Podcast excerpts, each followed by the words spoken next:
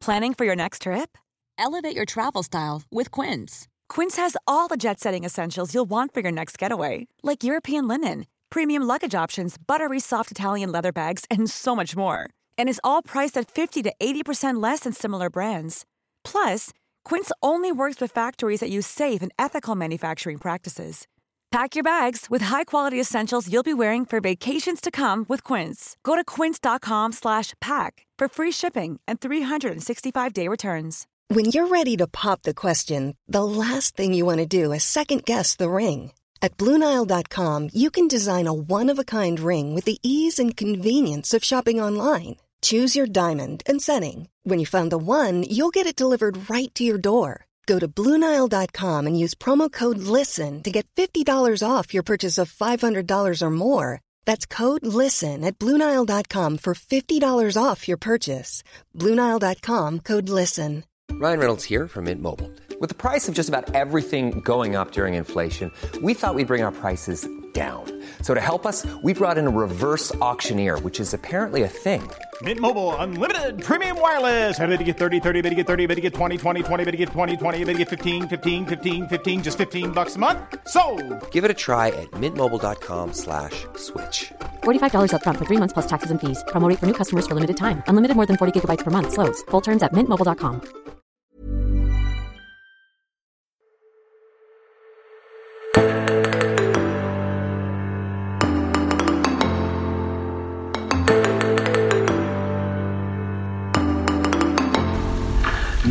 Eh, noe av kritikken har gått på at filmen ikke tegner et autentisk bilde av norsk eh, frikirkelighet. I hvilken grad var det et mål å gjøre det? Jo, da var det egentlig det at etter hvert så begynte det å komme Eller egentlig fra de moderne menighetene så opplever jeg at det har vært veldig utrolig masse fine samtaler med pastorer i ulike menigheter. Og at de alle har liksom takka for spørsmålene blir stilt, da. At eh, de ønsker å snakke om eh, eh, problematikken filmen tar opp. Men så har det vel kommet òg liksom en veldig sånn Jeg opplever at noen føler seg veldig sånn personlig anklaga, eller er dette Sier du liksom at alle pastorer i Hilsong er sånn, eller er alt bare ulv i klær? Og liksom er det et veldig standpunkt eh, Eller jeg prøver å liksom si noe dårlig om religion, men um, ja, eh, Men um, det som òg Jo, det her med at eh, jeg ikke formidler det kristne budskapet. Det er kanskje det som har merka seg mest nå i det siste. Og det tenkte jeg jo Det. Lyden er vekk. Der er det jo ikke noen hemmelighet at den, eh, der er det Hillsong som er noe av eh, researchgrunnlaget for den. Eh, Så beveger hun seg jo videre til en menighet eh, som ja, man kan finne på noe Eh, Men der har jo noe av eh, kritikken vært at, eh, at denne andre delen av filmen, deler av handlingen der, er ganske, ligner ganske mye på for å si sånn, deler av handlingen i Anders Topp sin bok 'Jesus', soldaten, blant annet det her med under vann og sand i munnen og det der. Og Anders Topp spiller jo en karakter som ligner på bildet han har tegnet av faren i den boken. Og da kan man spørre om, om filmen i for stor grad blir en del av Anders Topp sitt oppgjør med sin egen far, eh, og dermed eh, beveger seg bort fra den mer generelle debatten om eh, behovet for å bryte ut av usunne religiøse miljøer. Det det langt nok spørsmål til at batteriet Jeg føler liksom at jeg kanskje må bare redegjøre for hva jeg har tenkt når jeg har gjort research, og, eller liksom hvorfor jeg valgte å bare se på pinsebevegelsen, eller menigheter som springer ut fra pinsebevegelsen. Og er, jeg syns det er kjempevanskelig å klare å være presis nok og velge de riktige ordene for at ting skal liksom bli forstått riktig. Men eh, friheten er basert på moderne menigheter. Jeg har besøkt flere. Jeg har snakka med veldig mange mennesker som har valgt å gå ut av disse miljøene. Visjon Norge er eh, helt eh, Altså de to første miljøene er kan du si kopier av eksisterende retninger som finnes i dag. Og ved Norges Visjonære TV er helt uh, inspirert av Visjon Norge, Pengepredikanten, Mirakelpredikantene. Og der syns jeg det er et etisk dilemma i forhold til at vi må Hvordan ditt personlige eh, forhold til Gud knyttes til det å gi penger til menigheten. Hvordan man retter seg mot noen sosiale eh, mennesker i sårbare livsfaser. Det er veldig tydelig hvordan de retter seg mot mennesker i sårbare livsfaser, og hvordan de kan be eller si at hvis du gir meg 20 000, så kan jeg jo helbrede deg for dødekreft. Hvordan kan man si at uh, uh, hvis du gir trygda di, så, så skal nok Jesus gjøre deg frisk. Uh, det er noen sånne etiske ting der som jeg syns er Jeg forstår ikke at det er mulig at det går an å bedrive en sånn type virksomhet. Det skjønner jeg ikke. Og så syns jeg òg det er veldig problematisk at man får lov til å ha menigheter som gjør demonutdrivelser. Det er så mange jeg har snakka med, også fagpersoner i psykiatrien, som vet at hvor skadelig det kan være for mennesker. Og det å drive liksom homoerotiske krefter ut av et menneske, hva det gjør, eller, eller hva nå enn det måtte være det er det miljøet. Eh, og det moderne miljøet så opplever jeg, og de jeg har snakka med som har valgt å trekke seg ut, at det er en, eh, et, en avstand mellom formen og innholdet. Det betyr at jeg og de jeg har snakka med, syns at det er et fravær av det kristne budskapet for, gjennom formen. Det er noen problemer der, da. Og den siste menigheten, den er anonymisert. Der har jeg ikke liksom tatt utgangspunkt i noe som fins visuelt. Jeg har liksom prøvd å gjøre det sånn at vi ikke skal kjenne igjen hvilke menigheter det er snakk om. Hvilke mennesker jeg har snakka med. Bortsett fra Anders Torp og søstera, for de er de eneste som står fram. Og kritikken går på at eh, det er så marginaliserte Altså det er så få mennesker det gjelder. Men Anders Torp har opplevd det her. Det er ikke 25 år siden. Det er kortere tid siden. Eh, vi veit at det er andre som har opplevd lignende ting i eh, de menighetene. Ja, det, det, det, er ikke så marginalt, da. Det er mennesker som opplever det. Men Anders Torp blir ikke tatt på alvor. Han blir eh, og, Ja, jeg skal sikkert gi ordet videre, men Åh, jeg bare Det er noen ting som har dukka opp i det siste. Nå skal jeg sitere riktig, derfor må jeg lese på telefonen samtidig som jeg har telefonen. Øystein, eh, du var nokså tidlig på banen etter at filmen kom og sa at du ønsker disko velkommen. Eh, og så skrev du òg i Bergens Tidende at det etterlatte inntrykket er at frikirker i Norge jevnt over er usunne. Det stemmer ikke.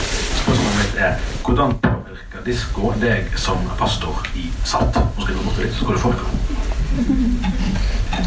Ja, takk for uh, Takk for spørsmålet, og takk også til uh, regissøren som kom over fjellet her på en kort visitt. Jeg hadde tenkt å spørre om vi skulle holde dette i forum. Du hadde teknikken garantert vært bedre. uh, nei, jeg skriver at denne filmen er velkommen fordi at når jeg satt her og så den filmen, så så jeg Miriam. Og jeg mener av alvor på det at eh, jeg brukte 20 år av livet mitt som pastor i Bergen. Og det er jo sånn det er. Det er unge mennesker, det er sårbare mennesker. Det er noen kule, og så er det noen introverte, og så er det noen som faller utenfor. Og sånn er det på fellesskapsarenaene våre i, i, det norske samfunnet. Og de av oss som har sittet i FAU på skolen og vært kontakt, eh, sånne skolekontakter og vært med i idrettslag, vi vet jo at disse mekanismene de skjer på fellesskapsarenaene våre i, i samfunnet. Eh, så jeg eh, skrev overskriften 'Miriam, vi ser deg'. Men så ville BT det annerledes, da, så de gjør sånn som de vil. Jeg tenker det at denne jeg, jeg, jeg, jeg er glad for kunstens uttrykk i samfunnsdebatten og i kritikken. Jeg er ikke redd for å få at vår sektor får kjørt seg på dette. Det er klart at uh, Her er det berøringspunkter for en god del ting som vi jobber veldig mye med. Uh, som vi er opptatt av. Uh, jeg deler nok ikke synet om at dette her er sånt som skjer rundt omkring i frikirkeligheten. Jeg eh, både reiser mye bredt og, preker for mange og snakker med mange. Jeg, jeg har ingen problemer med å si, og det, jeg hadde på tekstmelding med, med Anders Torp i dag, han skrev melding til meg på Messenger, at vi anerkjenner at han opplevde dette hos søsteren, og det er en skandale at det skjedde. Eh, det er en tragedie for den familien, og det er ulovlig. Og jeg mener at de som er utsatt for den type ting, skal gi beskjed om det. Eh, men jeg tenker det at det er en sosial justering i kunnskapssamfunnet i Norge som et likhetssamfunn, der folk gir beskjed. Altså Søndagsskolelærerne og ungdomslederne og de som sitter i lederrådene i norske frimenigheter, de er lærere og politifolk og barnevernsfolk og, og, i politikken. Og det er en utrolig stort innsyn som skjer i frikirkeligheten i Norge. Og jeg syns det blir urettferdig å framstille frikirkeligheten i Norge på en såpass drastisk måte som her blir gjort. Tre av fire miljøene driver demonutdrivelse som, som, som, eh, som, måte å håndtere en utfordring jeg, jeg, kjenner meg ikke igjen i det. Eh, men jeg har bevisst ikke gått ut og sagt vi avfeier det. Fordi at jeg ønsker velkommen denne viktige samtalen om hun her, Miriam. Det gjør jeg. Ann-Kristin Bondevik, du har jo sjøl frikirkelig bakgrunn. Eh, og, kjenner godt til avhopperproblematikk. Eh, hvis du prøver å generalisere, hva er ditt inntrykk av disse miljøene sin eksklusivitet? Altså Hvor lett er det å hevde synspunkter som går på tvers av det som er rådende i miljøene? Og hvor lett er det jevnt over å bevege seg inn og ut? Eh, det jeg er veldig opptatt av, det er jo Jeg møter veldig mange ungdom som er i en identitetsdannelse. Og mange av de har, eh, kommer fra familier som kanskje har vært i disse karismatiske eller frikirkemiljøene kanskje i to, to generasjoner. Eh, der hvor de er tredje generasjon som kommer. Så det ligger på en måte så implisitt i ryggmargen at dette her bare er riktig. Det er bare sånn det er. Og når de som jeg snakker med, og det er ganske mange som tar kontakt, uh, opplever at de kanskje ikke helt kjenner seg igjen i det som blir forkynt, eller de klarer ikke helt å være som de andre, så, så er det denne gruppedynamikken som slår inn hos ungdom spesielt. Og dette her er eh, de ønsker å være som de andre. Og når du da ikke har så mye erfaring heller i bagasjen din fra andre måter å tro på eller andre måter å se ting på, så blir du fremmedgjort. Eller faren er at du blir fremmedgjort i forhold til det samfunnet som er rundt. Så hvis du da blir ekskludert, eller du velger å gå ut, eller du opplever at du lever et dobbeltliv der hvor ikke du kan gjøre og stå for det som de andre gjør, så er det mange som sliter med ensomhet. De vet ikke hvor det skal gå. Og jeg snakker jo med skremmende mange tenåringer som ruser seg. Som kommer fra disse miljøene. Fordi at de vet ikke lenger hvordan de skal håndtere det tomrommet som de opplever. Du vet at er å, å, vokse opp i en, en frikirkelig menighet blir som å vokse opp i en landsby. Man ivaretar hverandre, man kjenner folk. Man er alltid der. Også at man, man, har noen som kjenner deg, det er noen som bryr seg om deg. Det er noen som eh, sørger for kanskje at du blir sett. Og eh, det er jo det andre temaet i forhold til det å være tenåring eller ungdom. Det er jo nettopp det grunnleggende behovet vi har for å bli sett. Og det er ikke bare, det er ikke bare ungdom som har det behovet. Alle mennesker har jo det. Eh, jeg tenker på den eh, Da jeg så filmen for andre gang, så ble jeg mer var på Per. Og på kona til Per. For det er også mennesker som ikke blir sett. Og den ensomheten som man opplever når man skal være en del av en stor gruppe som har en visjon, og som har en plan, og som har en hensikt, og så samsvarer ikke det med det du kjenner inni deg i det så oppstår det ganske mye angst og depresjonsproblematikk. Mm. Og det er de som jeg møter. Jeg har foreldre som tar kontakt med meg. Jeg jobber mye inn mot ungdom også i kristne miljøer, ikke bare som har gått ut. Og jeg har foreldre som, som kontakter meg fordi at jeg sjøl har bakgrunn i frikirkelig mm. menighet. Så man har en tillit. Ja. Eh, hvis man har behov for hjelp, og hvis tenåringen eller ungdommen sliter, så er det også eh, et problem å henvende seg til BUP-systemet. Både fordi at det er krefter inni den enkelte menighet som sier at eh, man skal være litt forsiktig med psykologi, fordi at psykologen vil si at eh, vil ikke skjønne seg på, på, den kulturen vi har her, på den personen vi har for, for eh, Guds rike, og, og, hvilke mekanismer som gjelder her, så de kan jo ikke hjelpe deg. Det er den ene siden. Andre siden, når man først henvender seg til hjelpeapparatet, det er at man faktisk ikke blir forstått. Fordi at dette her er en egen kultur som må tolkes i kontekst av det den kulturen står for. Den har egne preferanser. Det er masse egne begreper her som andre kanskje ikke har forutsetninger for å forstå på en god måte. Så det er en stor fremmedgjøringsproblematikk når man kommer til et punkt der man kjenner at man ikke passer inn. Bård, du har eh, forsket bl.a. på ledelse. Eh, Hva, hva slags inntrykk sitter du igjen med etter å ha sett denne filmen? Nei, altså Det ene jeg har lyst til å si, er at eh, jeg tror den diskusjonen om det gir et troverdig bilde av frikirkeligheten eller ikke eh, vet ikke, jeg kjenner ikke alle som sitter her, men hvis en ikke har bakgrunn fra frikirkeligheten, så tror jeg at mye av det kirkelige og mye av det kristne i Norge er blitt såpass eksotisk for mange at eh, derfor så tenker jeg at eh, de jeg trener håndball med, og de som jeg eh, møter i lokalmiljøet der jeg bor, for mange av de vil dette, ja, sånn er det sikkert. For dette er framstilt på en troverdig måte. Men det jeg har tenkt mest på når jeg så filmen, og også i forkant, det handler om Altså, jeg har sett dette som en film om det å prøve å bli voksen. Altså et ungt menneske som er i en spesiell situasjon og prøver å bli voksen. Og det som eh, traff meg kanskje mest, var hvor tragiske de voksenfigurene rundt er. Eh, og hvor vanskelig altså, Hvis en del av det å bli voksen er å finne et sted for min lidenskap, min hengivenhet, det å være meg sjøl, så er det veldig lite hjelp for eh, Miriam eh, til de rundt seg. Og jeg synes det, det skremmende godt skildret i filmen. i liksom den nesten sånn kalde, lidenskapsløse måten å gå inn i noen av situasjonene der hun skulle vært med hele seg, og der hele miljøet rundt står og liksom heier hun fram. Og det sier meg noe om en litt sånn tilkortkommet voksenrolle. Altså det, vi, altså hvis vi driver og klapper hele veien, altså hvis vi er foreldre som klapper for disse barna hele veien, så tenker jeg at det er en Og det handler om ledelse for meg. altså Hvordan skal vi som er voksne la oss utfordre av dette her? Sant? Og så er det klart det skrus til i et miljø der som er så sceneorientert, i hvert fall den første delen. altså Både diskomiljøet og eh, dette frikirkelige miljøet har en veldig altså, sceneorientering. Eh, og når de samtalene kunne vært utenfor, ikke altså det, det er åpenbart at hun leter etter noen voksne å ha tillit til, og det er kanskje også en mulig forklaringsmodell for det siste steget inn i denne mer ekstreme sekten. Eh, og, eh, og det tenker jeg er en sånn skikkelig voksen ledelsesutfordring. Hvordan står vi ved siden av?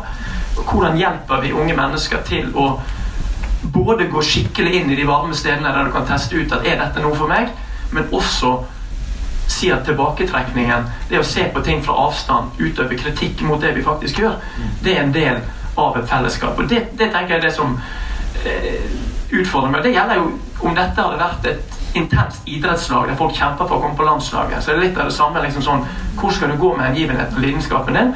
Og det er et dårlig tid. Jesus kommer snart tilbake, eller hvis ikke du kommer på landslag før du er 17, så er det for seint. Og den, det trøkket, det tenker jeg er slitsomt for mange ungdommer. Det er en ledelsesutfordring for voksne. Hvordan står du ved siden av i dette? Hvordan du sier noe, noe teologisk eller noe altså kirkesosiologisk om det? Altså, dette er vel tror jeg, en ny, et nytt kunstnerisk grep. Alle vet om at i idrettsmiljøet der er det krav til disiplin og til kosthold og til treningstider. Det overrasker oss ikke i det hele tatt. Men her eh, fremstår det som at, at menighetsmiljøet og idrettsmiljøet ligner mer enn vi kanskje er vant til å tenke. Eh, Er det et utviklingstrekk som det går an å generalisere? Eh, Jeg vet ikke. altså det, det jeg, spurte om noe teologisk. Det som fascinerte meg, var at ingen steder i filmen så vidt jeg så der de spiser. Og For meg ble det et sånt tegn på at her mangler det en eller annen eh, kontakt med skapelsesteologi. Altså lite, det, det meste handler om liksom det å bli frelst. Som, eh, som kristen og som teolog tenker jeg det er viktig nok, men det er liksom ikke altså Du kommer ikke til rette med kroppen din på en eller annen måte. Sant? Altså Du spyr og du blir kvalm, og sånn, men det er liksom ingen sånne her eh, gafle innpå der du altså, det, mest sånn, det nærmeste stedet der du kan ane at hun er i hvile, er når hun leker med Ada. Det er for meg liksom de små stedene. Men, det, men jeg tror det er, altså, til det du spør om, altså, jeg tror det er en, en likhetstrekk når, når en ikke har syn for at skadeforebygging i idrett handler om hele, altså hele, hele personen, ikke bare om hælen din som skal bli frisk. Eh, og litt det samme her. Eh, hvis du ikke har syn for at det du lurer på om hvem jeg skal elske, eller hvordan jeg er, handler noe mer enn bare akkurat det, så, så bærer det galt av sted. Hvis en prøver liksom sånn å eh, dele det opp i en eller annen sånn del som kan Nå er jeg enig med at jeg tror ikke altså, Eksorsisme er helt eh, så, crazy, men, men, vi står i fare for hvis vi deler det opp i sånne småbiter og ikke ser så, eh, helheten. Øystein, du engasjerte deg jo offentlig etter, eh, eller i forbindelse med Frelsdebatten for eh, tre år siden. Dette VGTV-serien eh, der. Og Den handlet jo også bl.a. Om, om lederskap og maktmisbruk. Og, og, med ganske store skadevirkninger hos de som ble rammet. Jeg lurer på, Er det i kristne miljø for lite vilje til å ta oppgjør med uønsket atferd fordi man kjenner på en slags solidaritet med de lederne som blir kritisert? Jeg tror det kan være en del av bildet, men jeg tror det er, er viktig å, å, anerkjenne det at uh, frikirkeligheten og uh, menighetsbevegelser som, som er vekstorienterte og progressive, kan fort eh, havne i en gevinstkultur hvor, hvor, legitimiteten til det en gjør, eh, kommer av det en skaper eller det en opplever. Og da, og da mater man eh, mater man en sånn opplevelses- og erfaringsreise som gjør at det må bli mer, og det må bli større og det må bli bedre. Da. Og det er klart at eh, Teologisk sett så er jo det en debatt utrolig viktig, spesielt på karismatisk side i, i vestlig global kristenhet. Eh, hvor, hvor, det fins eh, kirkevekstformer som henvender seg til den globale middelklassen, hvor man vektlegger eh, estetikk, man vektlegger musikk, man vektlegger eh, populærkultur. Eh, og det er jo eh, veldig tett på generasjon prestasjon sin utfordring. Og det er jo nettopp det der at man får en kirkeuttrykk som nesten glir over og blir et skyv i den, i den eh, generasjonen. Og, eh, jeg tror at de av oss som Vi startet ny menighet i Bergen i 2004. Og vi plantet jo Startet jo, da, for ikke å bruke for mye sprøtt språk ennå, Vi startet en ny kirke med blikk på nettopp den senmoderne individualisten, eh, kunnskapsorienterte folk, høyere utdanning, men et karismatisk liv. Eh, så vi, det var veldig viktig for oss å eh, eksigere den kulturen. Legge ut om den kulturen, forstå den kulturen. Eh, legge inn støttefunksjoner, voksenpersoner, bruke veiledningstjeneste, eh, folk som utdanner seg også inn mot menighetsmiljøet, for å bidra nettopp til å demme opp. Da. Eh, og jeg, jeg, tror det er en viktig kritikk. Eh, jeg tror at også noe av det som Syversen her har, har oppdaget i, i forhold til hierarki Eh, status, det det der vi nevner her om å komme på landslag, altså bli leder. Det er en indre sosiologi også i religiøse miljøer som kan, eh, som kan bli stressende. Eh, men noen av disse mekanismene er helt allmennmenneskelige. De skjer i alle grupper. Og Derfor så tror jeg det er viktig at vi må bare si at de skjer også i frikirkeligheten, så la oss passe på. Sånn som vi gjør i rettslaget, sånn som vi gjør i kulturen, sånn, det må vi også passe på i vårt sosiale miljø. Ann-Kristin, eh, noe av det som jeg har tenkt på etter første gang jeg så filmen, og som jeg følte litt ekstra med på i dag, var, var eh, at utviklingen i eh, Miriam sin, sin, personlighet gjennom filmen. Altså, hun stiller spørsmål til sin mor sant? om hvem er far egentlig i begynnelsen. Eh, og så er det litt som om hun blir mer og mer stille. Nesten sånn hun vender seg inn i seg sjøl etter hvert. Og så sier hun jo til slutt at hun gir uttrykk for å ha funnet en harmoni da, i denne nye menigheten. Men du ser litt på blikket hennes når noen av de mest voldsomme tingene skjer, at hun virker sånn Oi sann, hva i alle dager er dette her for noe? Men hun sier ingenting. Eh, og til slutt så ligger hun bare der på ryggen. Sant? Og hva var, var det som skjedde her? Eh, jeg jobber jo med debatt fra dag til dag, eh, og, og ønsker jo at, at, den debatten som vi har i avisen, skal ligne mest mulig på de samtalene som faktisk finner sted eh, rundt omkring rundt middagsbordene og på kirkekaffen og, og, og i Facebook-grupper og hvor måtte være man snakker sammen. Jeg synes, for å si Det sånn, det er ikke alltid sånn. da. Så at Debatten preges ofte av noen få stemmer som er ganske høyrøstede, og at de spørsmålene man egentlig bærer på de tør man kanskje ikke helt å stille. Eh, og Det blir jo til overmål tydelig her. For Hun er med på veldig mye. Hun gjør seg mange erfaringer, mange observasjoner. Eh, hvordan ser du hvordan reagerer du på den utviklingen i karakteren når hun etter hvert Det spiller ingen rolle hva spørsmålet jeg stiller, for jeg får ikke noe svar likevel. For å Hvis man skal utvikle sin egen stemme, hvis man skal få en stemme, så er det sånn innenfor sosiologi og gruppepsykologi det er at da trenger du å speiles.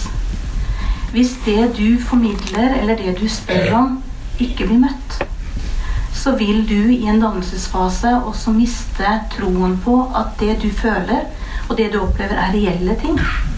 Og da går man inn i en slags nummenhetstilstand. Um, og noe av det som er jobben min som kognitiv terapeut, det er å prøve å vekke opp den stemmen igjen. Og det er en veldig sår og veldig lang vei. Jeg hadde f.eks.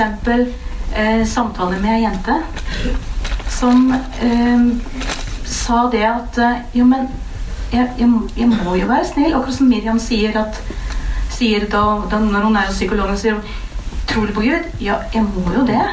Sant? Det er ikke fordi at det er noen som slår henne eller tvinger henne. Men det er fordi at det er det hun får tilbakemelding på. Når hun er i en funksjon der hvor hun på en måte synlig tjener Gud, så får hun masse speiling på det. Og på hvilke oppgaver som Gud har for henne, og hvilke store ting som Gud skal gjøre. Og, eh, men, men, det hun ikke blir speilet på, det er nettopp sine egne indre stemmer som sier 'Jeg får ikke dette til'. Det er noe her som jeg ikke får til å stemme. Er det noen som kan hjelpe meg? Hun spør jo om hjelp hele tiden. Men det er klart, det er noe med det med, med Roper man hjelp mange ganger, så forventer man ikke lenger hjelp. Øystein vil kommentere, tror jeg. Bare replikk på det. Jeg, jeg, tror at dette har også litt med generasjoner å gjøre. Jeg tror at uh, Eh, går vi noen tiår tilbake, så var barneoppdragelsesformen i Norge også annerledes. Da skulle du, du snakke når du snakket til, og så skulle du altså Det, var, det fantes en, en, måte å, hvor voksne om, omgikk barn. Eh, det var annerledes å være lærer før. Eh, og etterslepet av søndagsskolelærere og ungdomsledere i frikirkeligheten og i lavkirkeligheten i Norge altså Det er et delay her som gjør at jeg tror nok no, noe av en litt gammeldags form for å være voksen overfor uh, unge fortsatt fins. Og det kan bidra til dette. Og jeg tror at de av oss som uh, har en kanskje nærmere byene og litt mer oppdatert form på ting, vi tillater mer nyanser i menighetene våre enn det gjerne man gjorde i en veldig sånn svart-hvitt-holdning tidligere. Og Her ligger det en generasjonsutfordring egentlig i hele Kristen-Norge. Eh, og jeg, eh, Vi har 130 smågrupper i kirken vår, og vi vektlegger samtaleteknikk. Vi, eh, altså Hvordan lytter vi godt? Hvordan, altså vi, vi, øver jo folk i kompetansen av å bygge relasjonell kompetanse og lytte ut. Og vi har ingen problemer med å snakke om folk om tvil. Jeg har, venner, jeg har en kamerat som startet Doubters Church i Amerika. På denne siden av 2000-tallet så er så ikke så redde for alle de tingene der. Så jeg tror at det, det er mer nyanser her enn det vi får fram her. Og så vil jeg ha et spørsmål til Jorunn før vi åpner for spørsmål fra salen. tenker jeg hvordan jeg skal formulere det. Uh, vi lever i en tid der hvor vi har det fryktelig travelt med å gjøre mange viktige ting. Uh, det spørsmålet som jeg stiller meg i forhold til frikirkelig virksomhet, det er om vi blir kopier av samfunnet rundt oss. Men vi flytter over vårt fokus på det som har med Guds rike ting å gjøre. Det blir så mange ting som blir viktige å gjøre når man da har en visjon eller man er i en menighet. Og ikke minst dette med økonomi. At det er også en viktig del her. At vi trenger for at menighetslivet skal ivaretas og på en måte fungere i dag, så trenger vi mange frivillige. Vi trenger økonomi. Vi trenger folk som bærer sammen med en pastor eller med en leder. For hvis ikke så eksisterer jo ikke menigheten. I det kjøret der så tror jeg at man lett eh, går i den fellen at man ber til Gud for sine barn. At de skal være frelst. Og at man i stor fare Eller at man har fare for at man overser de stemmene som barna og ungdommene har. Fordi at man tenker ja, Litt sånn som mine foreldre sa. Vi opplevde at i vår da vi gikk inn i vår menighetssammenheng, jeg har en far som er pastor, så opplevde vi det at vi trodde Gud for at dere var med på det òg. Og at dette her var noe som vi var med om alle sammen. Vi så ikke dere. Og det er noe som mine foreldre sier til meg i dag. Um, og jeg tror nok uh, det er det som går igjen også. Jeg møter foreldre som sier at vi trodde at Gud skulle ivareta våre barn hvis vi var trofaste i tjenesten for Gud. Og det er noe som går igjen, og det er ikke noe som er gammeldags. Det er noe som i høyeste grad eksisterer enda. Jorunn, du har sagt at, at filmen eh, dypest sett handler om universelle tema, og at den ikke er ment som et generelt angrep på kristen tro eller på frikirkelighet eh, i sin alminnelighet. Eh, og du har jo selv ikke bakgrunn fra disse miljøene, men har kommet inn i det som eh, filmskaper. Eh, hvordan har ditt og generelle inntrykk av frikirkelighet endret seg i arbeidet med filmen?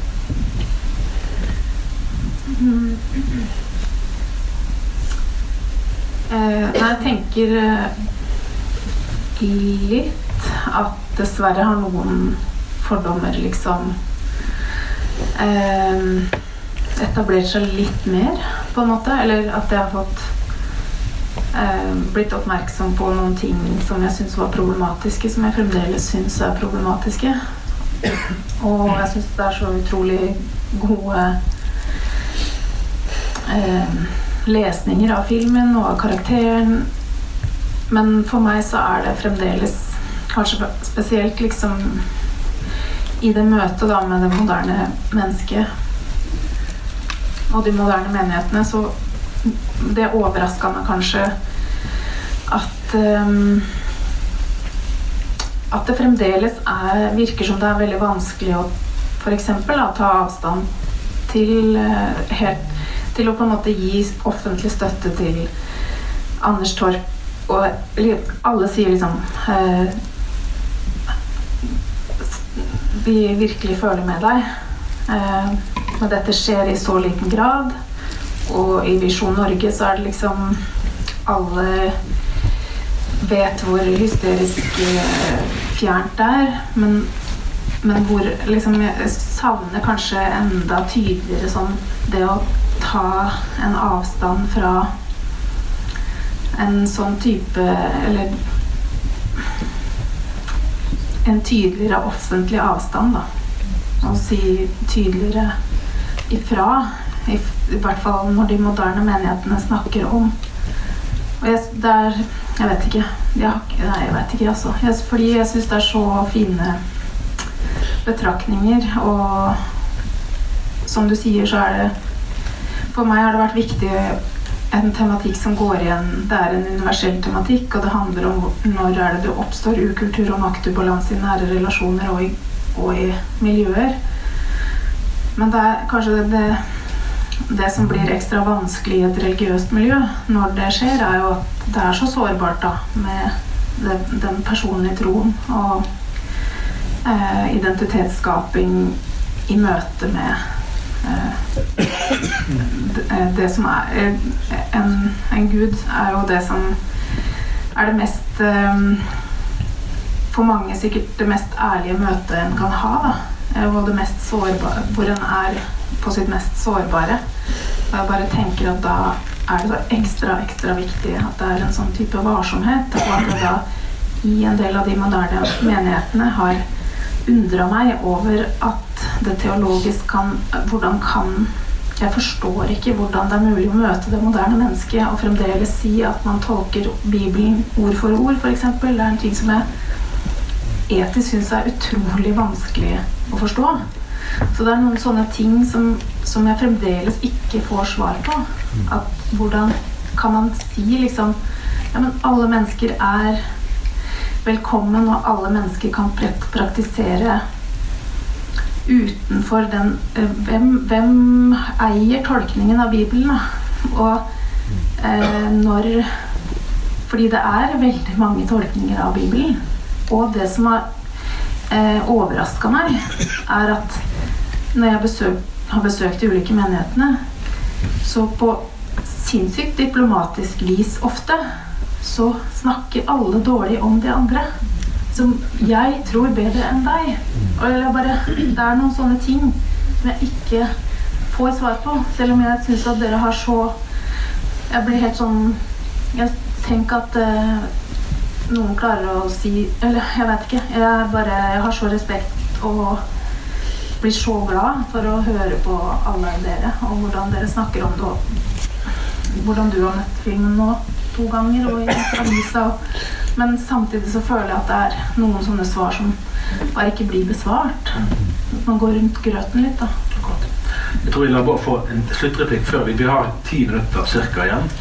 Eh, så vi har bare tid til. Jeg bare tenkte på noe, eh, Du nevnte dette med det senmoderne. og jeg tenker at Dilemmaet for eh, oss i det senmoderne for si det, er at vi blir oss sjøl gjennom å oppleve at vi har valgt noe sjøl. Og sånn opplever at Miriam det er hun ikke i nærheten av å komme i kontakt med. Sant? Og jeg tenker at utfordringen i varme miljøer, som vil mye, det er at vi kjenner til de tvangsmessige dynamikkene. Og det gjelder om vi er foreldre eller om vi er menighetsledere, eller hva det er. Og at vi gir en utvei fra sånne. Og litt konkret så tenker jeg at Hvis disse menighetene er kjempegode på velkomst, så må de bli tilsvarende gode på avskjed. Altså Du må være trygg på at her går det an, her står døren åpen, og det er lov å, eh, det er lov å forlate dette stedet. Og Det er jo det som mangler helt eh, altså Hvis du tar filmen og får filmen. Ja. Ok, altså Dere skjønner ut fra tidsrammen at det er kun tid for korte spørsmål som det går an å svare forholdsvis kort på. Så dette er ikke tid verken for innlegg eller for uh, ja, sånne spørsmål som jeg stilte, var altfor lange. Uh, men vi har tid til et par spørsmål, uh, og da tror jeg kanskje at vi ser litt hvis jeg Bare rop ut så kan jeg prøve å gjenta det i mikrofonen, og så kan vi få svar fra panelet. er det noen hender i været? Vi hatt en invitasjon som det var i en frikirkelig sammenheng. Ser din håndsøster Jeg ser ingen hender. Det var en bak der. Det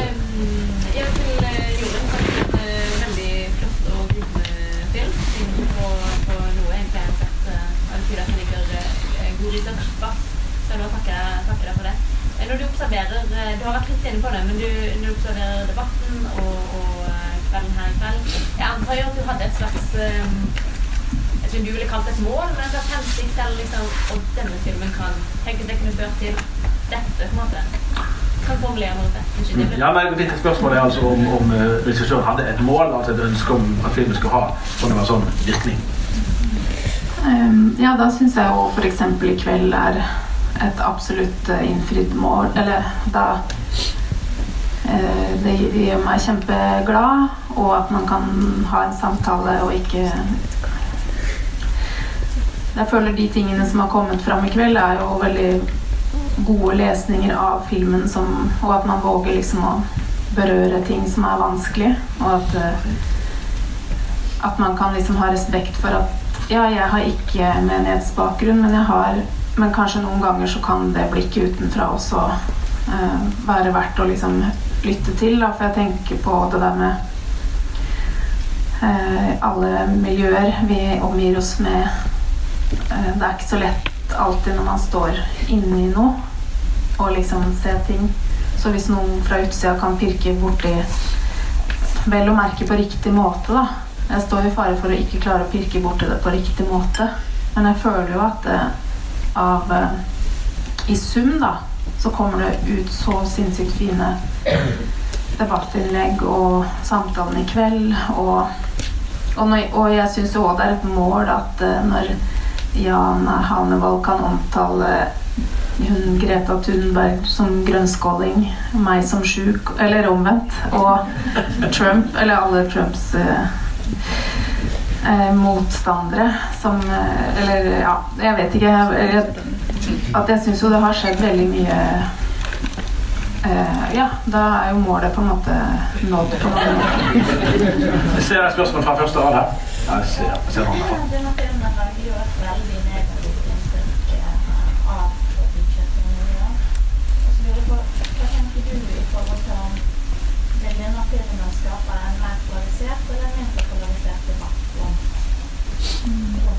Spørsmålet er altså om filmen vil skape en mer eller mindre polarisert debatt rundt frikirkeligheten. Mm, ja, det, det, er jo litt eh, Selvfølgelig står den i fare for å Ja. Men er den så negativ, på en måte? Er det Nei, men jeg tenker at den ser på noen mekanismer som som alle som befinner seg i et sånt miljø, også kan tørre å se på hvis man føler at man kan møte det Eller jeg, her er det jo Jeg har valgt et perspektiv fra det ståstedet til de menneskene som mista stemmen sin. Som hadde det så vondt i akkurat det spesifikke miljøet. Og da kan ikke jeg favne om alt. Jeg kan ikke favne om det kristne budskapet på en så nyansert møte, måte at alle i en frikirkelig Alle som har ja, altså alle som er kristne, alle som er, er, befinner seg i en frikirkelig menighet, vil føle at uh, jeg yter dem rettferdighet. Jeg kan ikke det. Fordi det er noen mennesker Jeg måtte også velge side, på en måte. Jeg, har, jeg brenner personlig for å fortelle om et menneske som mister stemmen sin ut fra det miljøet hun befinner seg i. Og så har jeg funnet mange mennesker i disse miljøene som har opplevd at det er sånn for dem. De kjenner seg igjen. Og da tenker jeg at da må alle som har det bra også, alt som er bra, se eh, liksom så fantastisk kunnskapsrike mennesker. Jeg er ikke noe redd for at eh, de At man ikke tåler en sånn kritikk, da. At man ikke tåler å snakke om det. Jeg er faktisk ikke redd for det. Replikk fra Bård, så tror jeg vi klarer ett spørsmål til Ja. etter deg. kanskje? Altså, I forhold til mer polarisert debatt, jeg tenker at de av oss som ikke nødvendigvis føler seg veldig truffet, vi har et ansvar. Altså, jeg tilhører ikke frikirkelighet, men er prest i Den norske kirke. Jeg har vært litt sånn skuffet over noen innlegg fra den norske kirkekanten som har vært i overkant selvtilfreds, sånn som jeg har lest det. At dette gjelder ikke oss, eh, og det er en veldig viktig film. eh, Og, og veldig glad for at den er at det, det er en dårlig håndtering både av debatten og av utfordringen for filmen. For jeg synes det er de eh, det er de generelle utfordringene knyttet til lederskap, det å vokse opp og bli ung og altså, Det å brenne det skjer i alle miljøer, heldigvis, som har med ungdom å gjøre. Men hva gjør du med det? Eh, og det er det- Den utfordringen må ta inn over seg, og ikke liksom sånn eh, og det tenker jeg, Måten jeg går inn i det, har litt å si om det blir en polarisert debatt eller ikke. Der var en hånd bak der. Med hatt. Eller lue, er det kanskje? Ja. Jeg lurer på det spørsmål til eh, Jorunn. Eh, du har belyst litt eh, ulike kirker, egentlig. Hvilke praktiske tiltak etterlyser du fra ledere?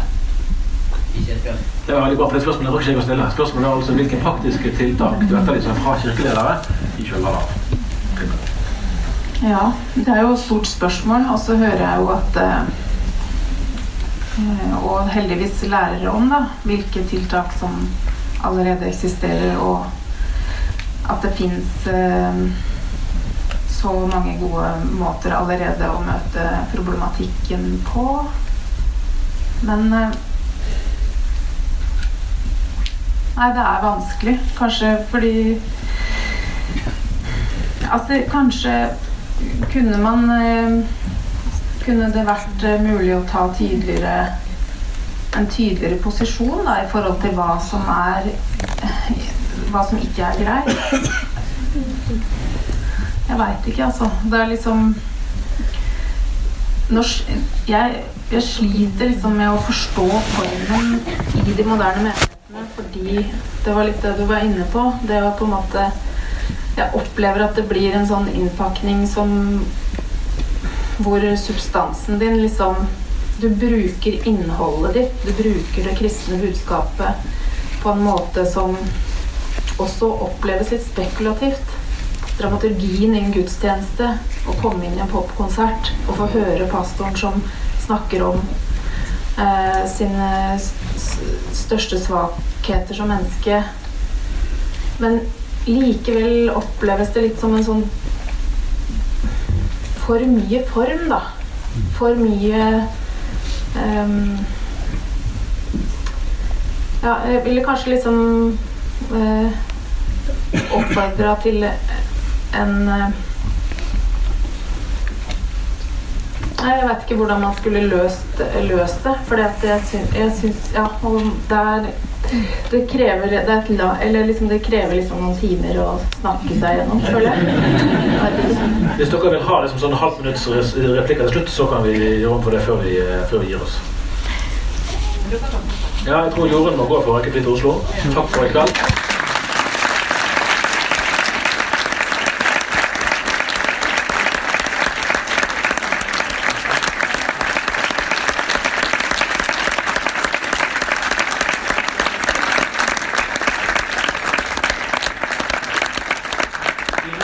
Vi ganske raskt, Bjørn, for jeg tror salen skal brukes til eh, en film kanskje senere. Men dere får sånn halvt minutt hver da, til eh, en sluttreplikk. Jeg tror eh, på kunnskap. Jeg tror at det er viktig. Og jeg tenker at kanskje problemet oppstår når man Når system og tro assimileres. Og når posisjon og person assimileres. Altså når man begynner å blande sammen disse forskjellige rollene og bitene, så begynner ting å flyte over i hverandre, tenker jeg. Så jeg tror at man må nødt til å se hverandre som mennesker i en menighet. Eh, og på lik linje med de andre. Istedenfor at det skal være et hierarkisk system der hvor pastoren hører fra Gud, og de andre hører fra pastoren. Jeg tenker at uh, filmens, uh, et av virkemidlene i filmen at den er veldig sånn flat. Sånn, det, det, er veldig overfladisk. Uh, og så mangler han da dybde. Altså Evangeliets dybde mangler jo i filmen. Men det har ikke vært intensjonen heller.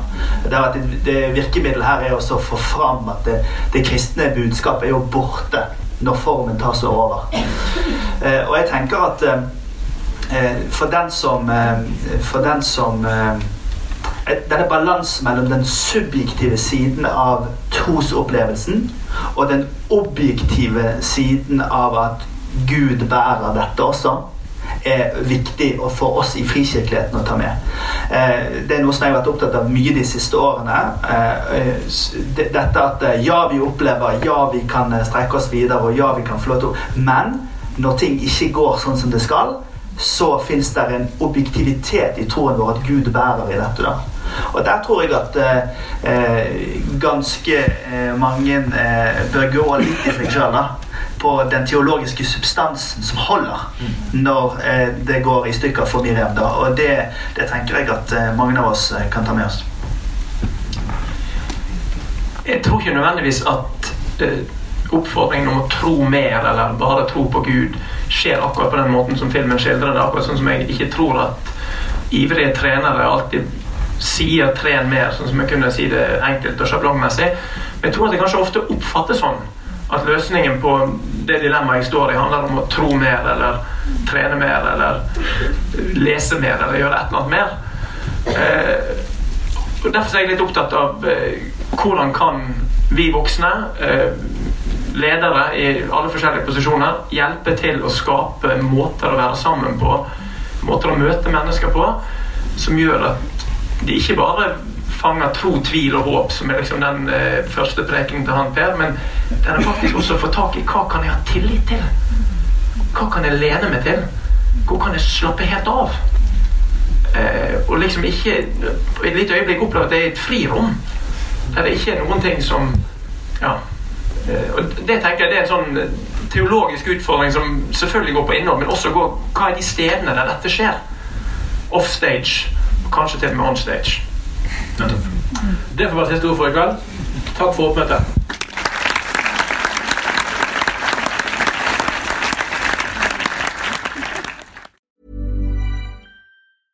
Imagine the softest sheets you've ever felt. Now imagine them getting even softer over time. That's what you'll feel with Bowl and Branch's organic cotton sheets. In a recent customer survey, 96% replied that Bowl and Branch sheets get softer with every wash. Start getting your best night's sleep in these sheets that get softer and softer for years to come. Try their sheets with a 30-night guarantee. Plus, get 15% off your first order at bowlandbranch.com. Code BUTTERY. Exclusions apply. See site for details. Hi, I'm Daniel, founder of Pretty Litter. Did you know cats tend to hide symptoms of sickness and pain? I learned this the hard way after losing my cat, Gingy. So I created Pretty Litter, a health monitoring litter that helps detect early signs of illness by changing colors, saving you money and potentially your cat's life. Pretty Litter is veterinarian developed, and it's the easiest way to keep tabs on your fur baby's health right at home. Go to prettylitter.com and use code ACAST for 20% off your first order and a free cat toy. Terms and conditions apply. See site for details. Planning for your next trip? Elevate your travel style with Quince. Quince has all the jet setting essentials you'll want for your next getaway, like European linen, premium luggage options, buttery soft Italian leather bags, and so much more. And is all priced at 50 to 80% less than similar brands. Plus, Quince only works with factories that use safe and ethical manufacturing practices. Pack your bags with high-quality essentials you'll be wearing for vacations to come with Quince. Go to quince.com slash pack for free shipping and 365-day returns.